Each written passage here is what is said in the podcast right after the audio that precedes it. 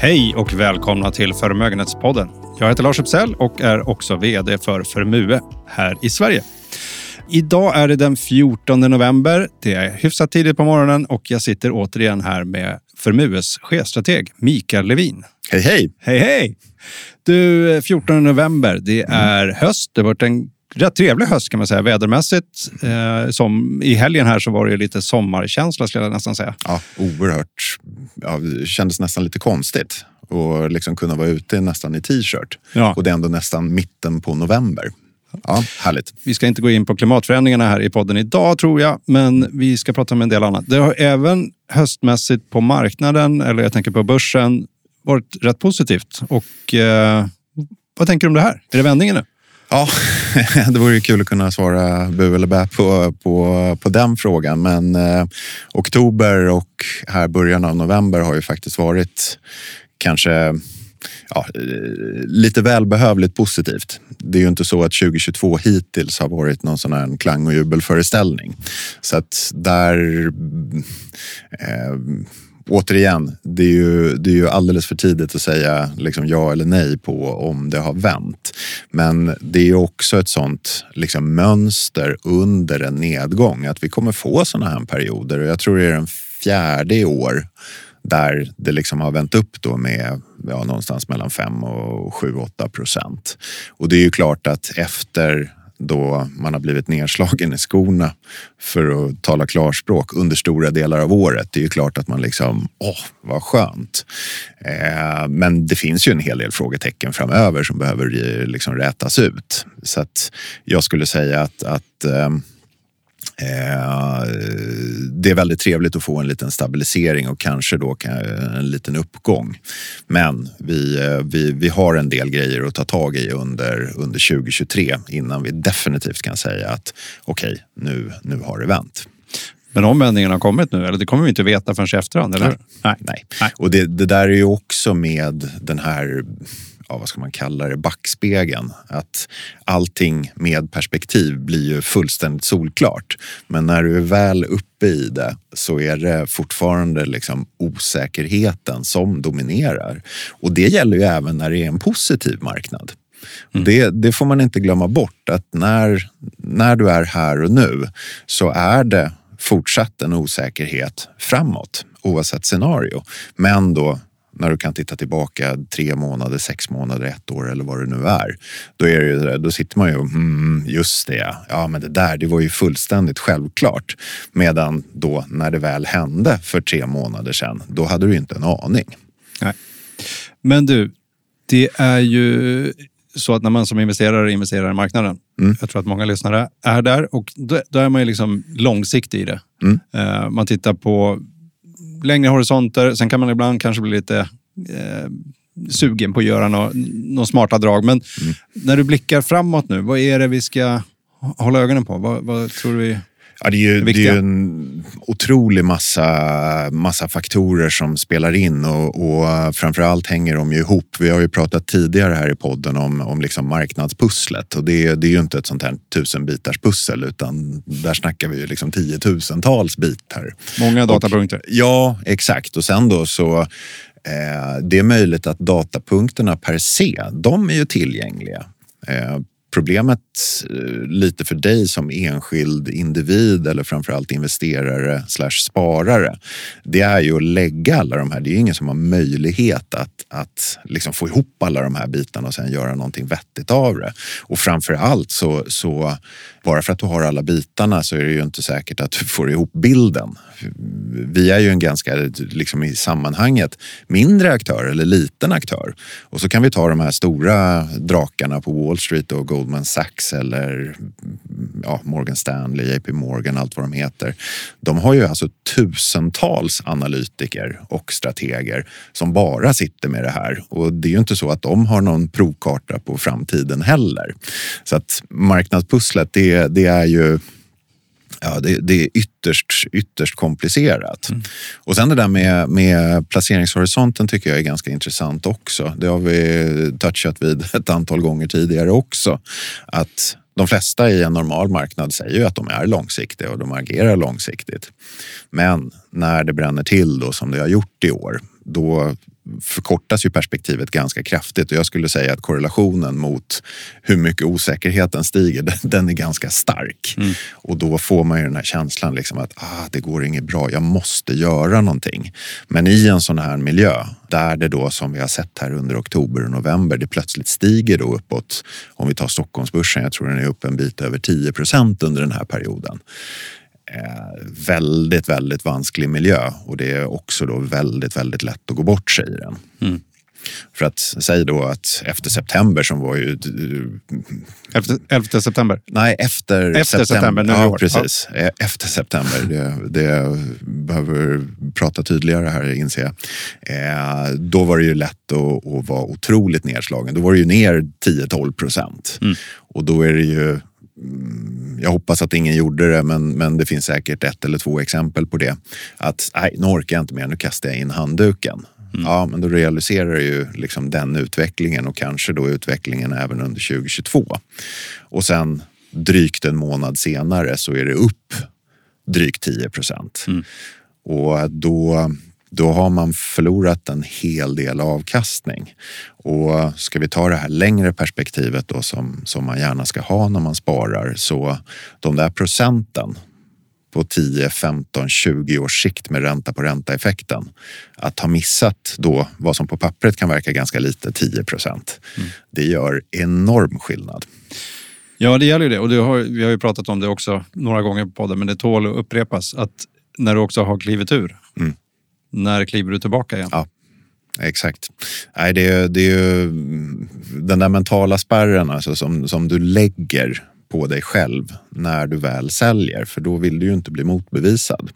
Och så helt plötsligt då så, så tåget lämnar inte stationen långsamt i det här fallet eh, under oktober, november, utan det åkte iväg ganska fort. Eh, och då är det ju extremt liksom lätt att, att kanske inte riktigt bli 100% bränd, men du ångrar nog en del att du tog det där beslutet från början. Istället för att då eh, faktiskt acceptera att marknaden från tid till annan kan innebära ganska stora minustecken i portföljen. Men eh, när vi har de här perioderna med stora minustecken så det är oftast där också vi hittar perioderna och dagarna med störst plustecken. Och det beror vi hade väl att, förra veckan bara? Ja, Exakt, jag tror den var väl en av de bästa dagarna sen, sen ja, när coronapandemin slog igenom där i mars. Eh, och då hade vi också de här dagarna med enorma fall men sen också ganska stora uppgångar. Och de kommer ju tillsammans i kluster, de här riktigt dåliga dagarna och även de bra dagarna. Det är ju väldigt sällan i en marknad som är lugn då, eller om volatiliteten är någorlunda normal att du får en uppgång på 5-6 procent. Mm. Det händer ju inte. Eh, så att eh, även om det svider då när, när, när det är lite stökigt så, så eh, försök motstå liksom tendensen att gå ur marknaden. För rätt vad det är så kommer det då en sån här dag när du kan i princip få en årsavkastning. Du kan väl komma tillbaka lite till hur man kan hantera portföljen. Eh, det kommer vi säkert att göra. Mm. Men jag tänkte om vi kunde då eller du, konkretisera lite mer på vad är det man ska hålla koll på verkligen? Mm. Lite mer konkret sådär. Ja, där kommer vi in då på, på det här liksom ramverket. För att återigen, det finns för mycket information för dig som enskild individ att liksom ens börja peta på. Och då behöver du liksom någon sorts form av ramverk. Och hur det ser ut det är upp till dig. Eh, vi på Formue, jag och min norska chefsstrategkollega Christian Li, vi, eh, vi har en liten enkel uppställning med egentligen sju boxar. Och de här sju boxarna representerar då olika typer av drivkrafter för marknaden, för avkastningen över tid och så vidare. Och Eh, det gör att, att när det kommer en ny datapunkt eh, eller ett event eller vad det nu må vara, vi översköljs ju av det dagligen, då ger det här ramverket oss liksom en möjlighet att sätta den här datapunkten i relation. Det vill säga vi kan stoppa in den i någon av de här sju boxarna som vi har. Och det gör också att det blir, det blir liksom lättare att, att, att, att, få en överblick. För de här sju boxarna då, om jag ska dra dem, det är nummer ett det är geopolitik och politik. Sen har vi eh, ekonomiska utsikter. Eh, vi har inflation, vi har marknadsräntor, vi har penningpolitik, vinstervärdering och sentiment eller marknadens humör. De här boxarna de hänger ihop. Jag menar, så fort någonting händer i en av boxarna, ja, det kan påverka de andra och så vidare. Men det ger ändå liksom ett ramverk att förhålla sig till verkligheten. Sen återigen, Christian och jag har inget facit på framtiden ändå. Men eh, det ger som sagt en, en liten överblick. Och eh, om vi tar några av de här drivkrafterna som, som kommer att bli väldigt viktiga så, så kan vi börja med, med ränteutvecklingen. Mm.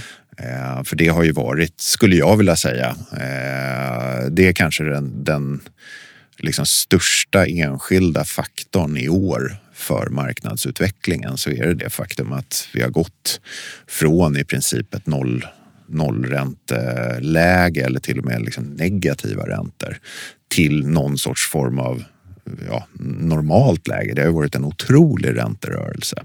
Ja, vi har väl också haft en 30-årig trend eller något sånt där med sjunkande ja, räntor om man drar exakt. ut den lite. Ja, ja det, det, det, det stämmer. 30 i Sverige, jag tror det är 40 början av 80-talet om vi tar liksom den globala scenen. Eh, och det här då, det har ju liksom den där trenden, den har ju accentuerats efter finanskrisen med då den penningpolitik som har förts. Och helt plötsligt nu så, så tack vare att vi har fått tillbaka inflationen då så har, har räntenivån gått från ingenting till, till vad många upplever liksom skyhöga nivåer. Mm. Eh, nu i ett historiskt perspektiv är de inte skyhöga men, men det, det är en rejäl rörelse. Och det är priset på pengar. Och priset på pengar, det styr ju liksom det ekonomiska beslutsfattandet. Och det gör ju att hela, ja, hela världsekonomin, hela det, det liksom investerbara universet har fått ställa om. Mm. Så där har vi liksom en otrolig, eh, otroligt stark drivkraft i år. Och då är ju frågan liksom, vart är vi på väg?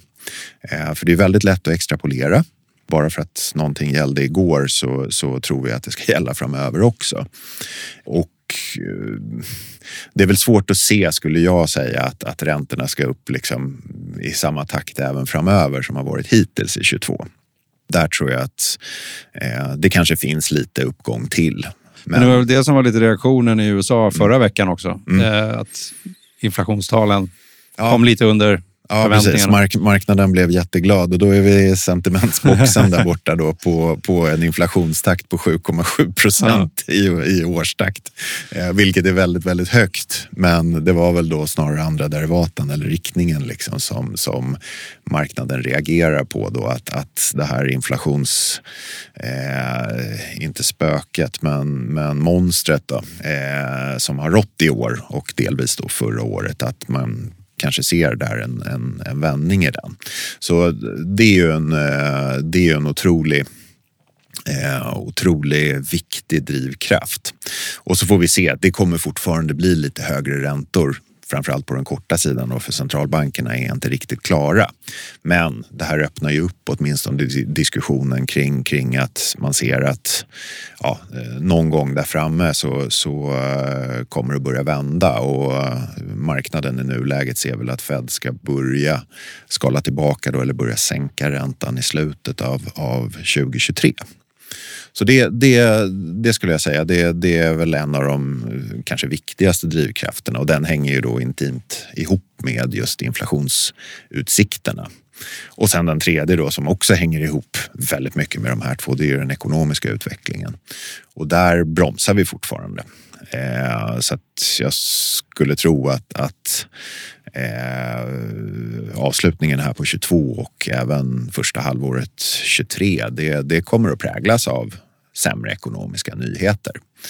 Eh, och där får man ju följa med då på, på kanske inte så mycket bakåtblickande hård data som BNP-tal och sådana här saker, handelstal och allt vad det är, utan man får titta lite grann på framåtblickande indikatorer som till exempel ledande indikatorer. Det är allt, allt möjligt från inköpschefsindex till kredittillväxt till och så vidare och så vidare. Och de pekar tyvärr fortfarande neråt. Men det är också prissatt av marknaden. Men och det, det, är den typen av data som man brukar prata om att marknaden, det vill säga börsen, mm. den brukar ligga ett halvår före. Ja. Någonting sånt? Va? Exakt. Ja. Eh, så äh, återigen, att vi ligger minus så pass mycket vi, som vi gör både på, på aktiesidan och räntesidan. Det, det, äh, det är ju en korrekt prissättning av börsen av den data vi ser idag. Mm. Eh, och sen är ju då den stora frågan liksom när, när kommer den här vändningen? Och den kommer ju komma tidigare på marknaden än vad den gör i ekonomin. Men du behöver ändå liksom följa den typen av data. Du, ja, det var ju superenkelt det här. Mm. Ja, ja och du, vi har ju bara börjat peta på, på pusslet. Vi har lagt några hörnbitar eh, som det är nu. Men sen eh, det som också styr framför allt eh, aktiemarknaden, det är ju vinstutvecklingen. Mm. Och eh, Tredje kvartalet är ju i princip klart här. Det är väl några eftersläntare men, men eh, givet omständigheterna ett helt okej okay kvartal skulle jag vilja säga.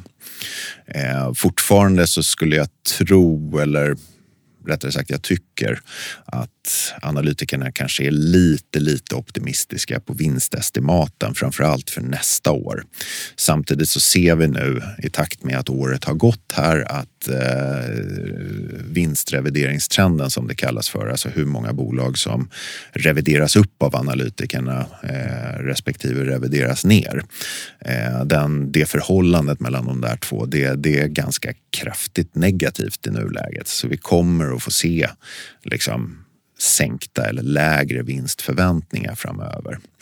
Eh, så att eh, 23, jag, jag tror estimaten på helåret nästa år är en vinsttillväxt på 3-4 procent för globala aktier. Det tror jag är lite mm, positivt. Skulle vi få en oförändrad vinstutveckling kontra i år under nästa år så skulle det vara skulle det vara faktiskt rätt positivt i min bok. Mm. Eh, så den, den, det är en sån där liksom central drivkraft.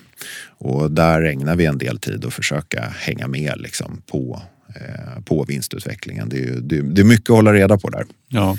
Du, jag tänkte på en sak som eh, kanske skulle kunna hjälpa till att förklara lite grann. Det är ju, vi har sett i år i spåret av ränteuppgången. Jag tänkte sambandet, hur det hänger ihop. Hur många mm. techbolag eh, mm. även liksom får problem och, och haft ganska kraftiga nedgångar. Mm. Vi har även sett svenska vad säga, hjälteförklarade företag som Klarna, Spotify och så vidare som, mm. som nu ska dra ner bemanning och sådär. Mm. Hur, hur hänger det där ihop? Varför påverkas de så mycket av räntan? Ja, och det, det, den typen av bolag brukar ju kallas för tillväxtbolag. Eh, och det hela det universet har haft eh, extremt jobbigt i år. Och det hänger ju samman med att ett tillväxtbolag, eh, de har ju oftast de kanske inte tjänar så mycket pengar här och nu utan eh, affärsidén och, och, ja, att de i princip då ska ta över världen med den här nya idén eh, och tjäna massor av pengar. Den ligger längre in i framtiden och då behöver du ju liksom värdera de förväntade vinsterna någonstans där i framtiden och med allt lägre räntor, det vill säga lägre diskonteringsräntor, då kan du ju då får du ju mer värde där någonstans. Eh, om det är nu om ett år eller om fem år eller vad det nu må vara. Och då när räntan stiger så här kraftigt, ja då går ju värdet av de där framtida förväntade vinsterna ner ganska kraftigt. Och det är väl det som, som har drabbat just techsektorn och tillväxtsidan av aktiemarknaden väldigt, väldigt hårt. Eh, återigen, då är vi tillbaka liksom på att priset på pengar det har förändrats väldigt, väldigt kraftigt mm. och det får effekter liksom över hela kapitalmarknaderna. Eh, och mycket av, av, eller mycket, återigen, det, du ska inte ta några enskilda exempel, men det är ju klart att den typen av affärsidé då, där som, det kostar ju mycket pengar att liksom, eh, genomföra den. Eh, många av de här bolagen, även om en del av dem tjänar pengar, det är inte alla som gör det. Men det, det, liksom, tillgången på kapital har varit väldigt, väldigt god. Eh, för den andra delen av det här med, med eh, penningpolitisk åtstramning, det är ju inte bara att höja styrräntan utan det är ju dessutom att dra tillbaka likviditet. som har liksom, framför framförallt efter pandemin så har det funnits obegränsat med likviditet. Och det är ju klart att det har gynnat den här typen av, av, av bolag. Så att där om man jämför då med antagonisten eller det man brukar ställa tillväxtuniverset mot så är det ju value eller värdeuniverset som har haft en ökenvandring i princip de senaste tio åren. Och i år så är, är, är det helt tvärtom där att värde har utklassat tillväxt i, i avkastning. Du, eh, är det någon mer box du vill lyfta på? Det ska vi Ja, det finns ju massor Jag tänkte det geopolitiska läget. Ja, den, den har ju också varit, jag skulle säga, en klart annorlunda box i år. Eh, den finns ju, eller har funnits åtminstone alltid i, i mitt eget ramverk genom åren. Eh, men det har varit lite mer av, av Eh, jag ska inte säga brus, men det är ju inte så att det har saknats event de senaste 25 åren på den geopolitiska sidan. Men de har varit oftast väldigt snabbt övergående. Mm. Det, det, är väl liksom den stora skillnaden i år då att det här eh, Rysslands anfallskrig mot, mot Ukraina, det är ingen sån här övergående grej utan det, det får ganska stora geopolitiska eh, liksom, åverkningar. Och plötsligt då när, när en sån här sak händer då blir ju även andra oroshärdar i världen, för det saknas aldrig. De kommer ju i ett annat ljus. Mm. För att det är ju ingen som har liksom ja, gått över gränsen på den här skalan som Ryssland gjorde i februari i år. Och då är det ju klart att vi har ju diskuterat väldigt mycket situationen Kina, Taiwan. Som, den har ju legat och puttrat väldigt, väldigt länge. Eh, men den ställs ju lite mer på sin spets när man ser vad som kan hända då med exempel Ukraina. Så ja. där, där, eh, där får man nog eh, återigen ransaka lite hur mycket den här boxen med geopolitik kommer att väga hur mycket den kommer att påverka. Den har inte påverkat speciellt mycket de senaste 25 åren utifrån ett marknadsperspektiv. Men där kanske vi får, får ändra uppfattning här framöver. Jag tänker även på Kina-Taiwan nu som mm. man läser lite grann om, men det verkar inte ha så stor impact på marknaden. Jag tänker det Kina-USA involverat i det känns lite, ja. kan ha ganska stora konsekvenser. Ja, det, det kan ju göra det och då, då, har vi ju den här grundförutsättningen att, att det är ju klart att de flesta, eh, mig själv inkluderad, eh, litar på att det här är ändå ja, det är de två supermakterna idag i mm. princip. Att de har så mycket bakom, bakom pannbenet att de inte går att göra något dumt. Med tanke på då konsekvenserna och, och även om det har skett en, en eskalering eh, i förhållandet mellan USA och Kina de senaste åren. De har liksom glidit ifrån varandra. Man för 10-15 år sedan så pratade man om eh, Chimerica, att de två liksom blev allt mer tätt sammankopplade ekonomiskt. Och det är de fortfarande. Det, det liksom, även om de glider ifrån varandra nu så, så det kommer ta väldigt, väldigt lång tid innan de är ekonomiskt dekapplade, eller mm. vad man ska kalla det för, från varandra. Och det gör ju att skulle det bli någonting tokigt där i Taiwansundet så, så det skulle få enorma ekonomiska konsekvenser. Mm. Och även på, på, på marknaden.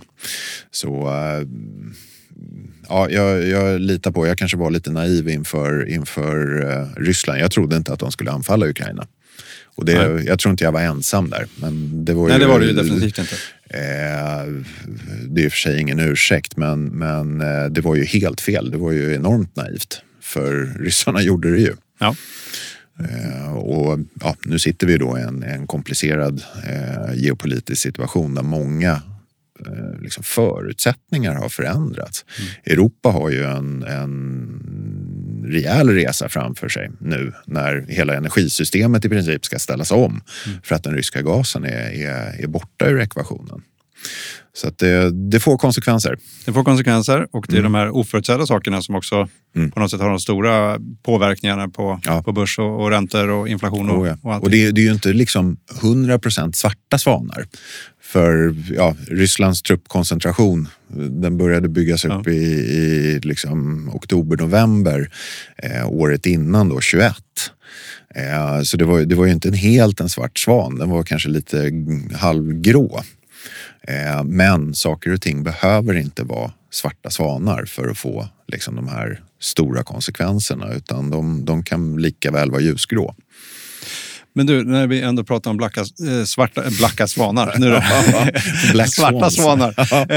eh, så jag tänkte slå ett slag då för vårt ramverk som vi har i vår rådgivning. Vi lägger ju väldigt mycket tid på den finansiella planeringen. Mm. Eh, tror jag är en av dem i marknaden som lägger mest energi på den. Mm. Just för att få koll på liksom, trygghetsdelen. Vad, vad, är det som är viktigast hemma, nära familjen, boenden, båtar? Mm. Eh, och sen också, vi har vår skapardel där ofta entreprenörer har ganska mycket verksamhet och ekonomiska konsekvenser. Ja.